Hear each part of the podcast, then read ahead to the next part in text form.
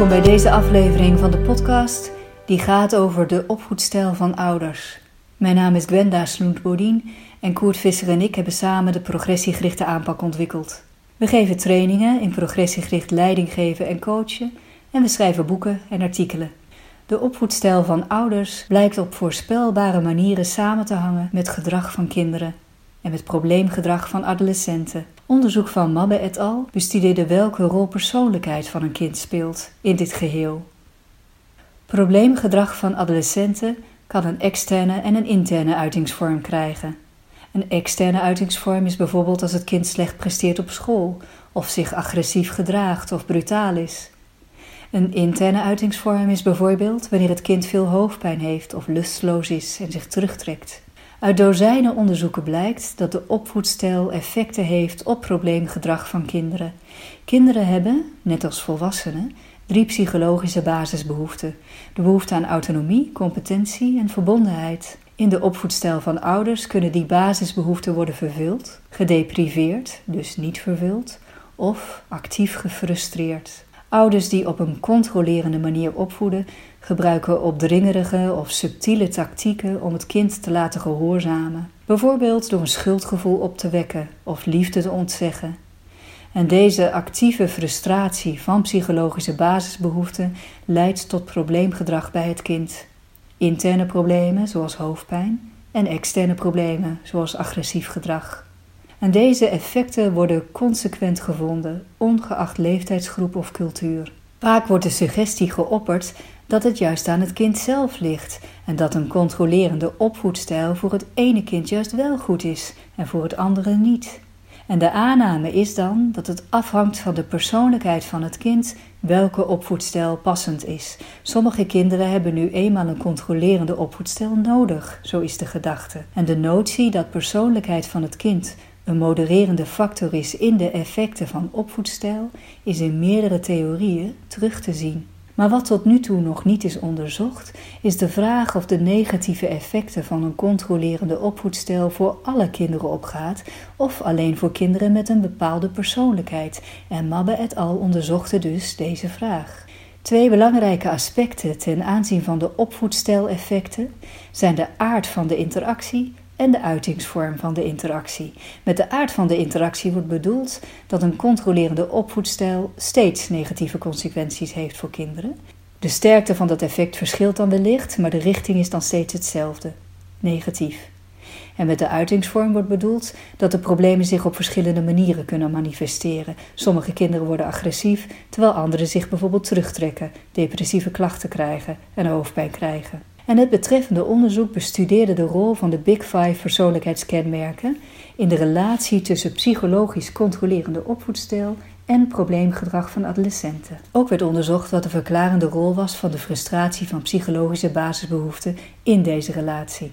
En uit het onderzoek bleek dat de persoonlijkheid van het kind de negatieve effecten van een controlerende opvoedstijl kan afzwakken en ook dat er geen positieve effecten zijn van een controlerende opvoedstijl ongeacht de persoonlijkheid van kinderen. Een van de vijf persoonlijkheidsdimensies in de Big Five is agreeableness. En dat betreft hier de gerichtheid op het helpen van anderen, het samenwerken met anderen, interesse in anderen, zorgzaamheid, uitgaan van goede intenties van anderen. Het blijkt dat wanneer een kind hoog scoort op agreeableness, er minder sterk of geen effect te zien is op extern probleemgedrag. Kinderen die laag scoren op agreeableness vertonen meer extern probleemgedrag bij een controlerende opvoedstijl dan kinderen die hoog scoren op deze persoonlijkheidsdimensie. Eenzelfde soort effect is te zien bij de persoonlijkheidskenmerken extraversie en emotionele stabiliteit. Kinderen die laag scoren op extraversie en emotionele stabiliteit hebben meer last van interne problemen, zoals hoofdpijn en depressieve gevoelens terwijl kinderen die hoog scoren op deze twee persoonlijkheidskenmerken minder of geen last hebben van een controlerende opvoedstijl. Hoewel dus de persoonlijkheidskenmerken van een kind een afzwakkende of neutraliserende rol speelt in de negatieve effecten van een controlerende opvoedstijl, is geen enkel kind gebaat bij een controlerende opvoedstijl. Dus voor de gedachte dat sommige kinderen, vanwege hoe ze zelf zijn, druk en controle nodig hebben, wordt geen bewijs gevonden. Soms moeten adolescenten natuurlijk voldoen aan externe verwachtingen. En op die momenten kunnen ouders grijpen naar een controlerende opvoedstijl, simpelweg omdat ze niet weten hoe ze hun kind anders in beweging kunnen krijgen. Gelukkig biedt onderzoek veel aanknopingspunten voor ouders. Hoe kunnen ze zorgen dat ze een autonomie ondersteunende opvoedstijl blijven hanteren, ook op het moment dat adolescenten moeten voldoen aan externe verwachtingen en misschien probleemgedrag vertonen?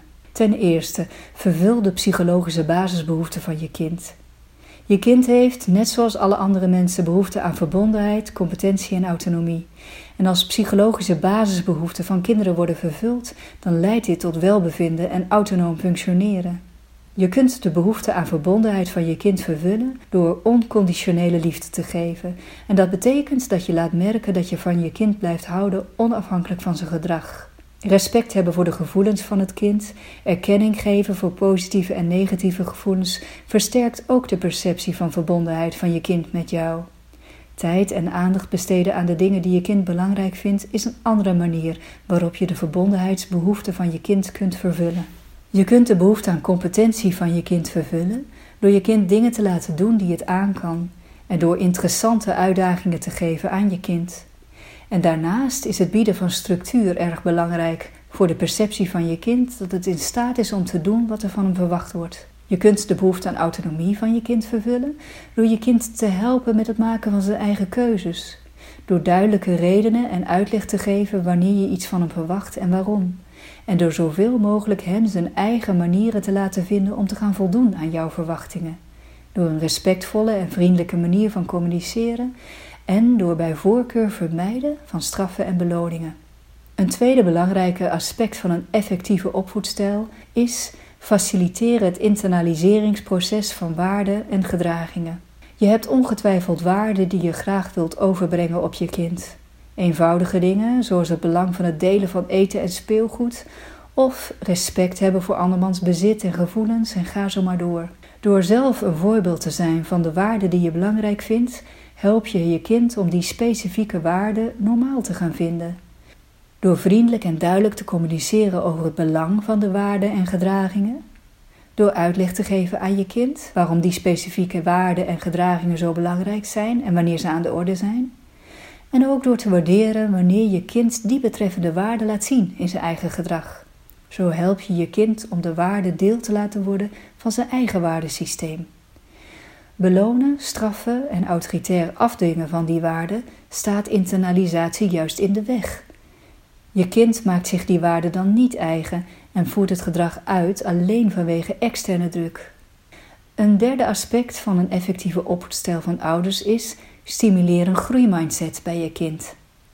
Het enthousiast omarmen van leersituaties, fouten en falen zien als normaal onderdeel van leren, je kind uitdagende taken geven, zelf steeds blijven leren en ontwikkelen, durven toegeven dat je fouten hebt gemaakt, ook ten aanzien van je eigen reacties op je kind. Het geven van procesgerichte feedback in plaats van persoonsgerichte feedback. Oftewel, in je feedback de aandacht trekken naar het gedrag van je kind in plaats van naar de persoonlijkheid van je kind. En ook een link leggen tussen inspanning en resultaat. Het aanreiken van leerdoelen in plaats van prestatiedoelen en het vermijden van een focus op talent. Zo stimuleer je een groeimindset bij je kind. En een groeimindset leidt tot beter leren, beter presteren, beter samenwerken en floreren tijdens het leren van moeilijke dingen. Een vierde aspect is kies je ouderlijke betrokkenheid bij schoolwerk wijs. De meeste ouders zoeken naar een manier om betrokken te zijn bij het schoolleven van hun kind, zodat hun kind het goed doet op school. In een van mijn andere podcasts ga ik in op welk type ouderlijke betrokkenheid bij school goed werkt. Een vijfde aspect is: volg de autonomiebehoeften van je kind. Je kind is vaak aan grotere vrijheid en autonomie toe dan de meeste ouders zich realiseren. Door goed op te letten, merk je wanneer je kind toe is aan het zetten van de volgende stap in het maken van zijn eigen keuzes. De puberteit is een periode waarin dit proces razendsnel kan verlopen. Goed aansluiten bij de toegenomen autonomiebehoeften is behoud van een goede relatie met je kind. En ook probleemjongeren hebben behoefte aan autonomieondersteuning en functioneren beter wanneer ze dat ervaren. Help je kind om intrinsieke aspiraties te kiezen. Welke levensdoelen je kind kiest, heeft een sterk effect op hoe gelukkig je kind is. Stimuleer daarom het kiezen van intrinsieke doelen in plaats van extrinsieke doelen. Oftewel, stimuleer je kind om dingen te doen die hem interesseren en die hij belangrijk vindt. En tenslotte, construeer je eigen emoties op een wijze manier. Als je als ouder iets onhandigs hebt gezegd of gedaan, je bent enorm boos geworden, je bent autoritair opgetreden, wees dan bereid om je fout toe te geven en je te verontschuldigen ten opzichte van je kind. Zo leert je kind dat jij ook aan het leren bent. Meer leren kan in onze trainingen en meer lezen kan in onze boeken. Kijk maar op www.cpw.nu.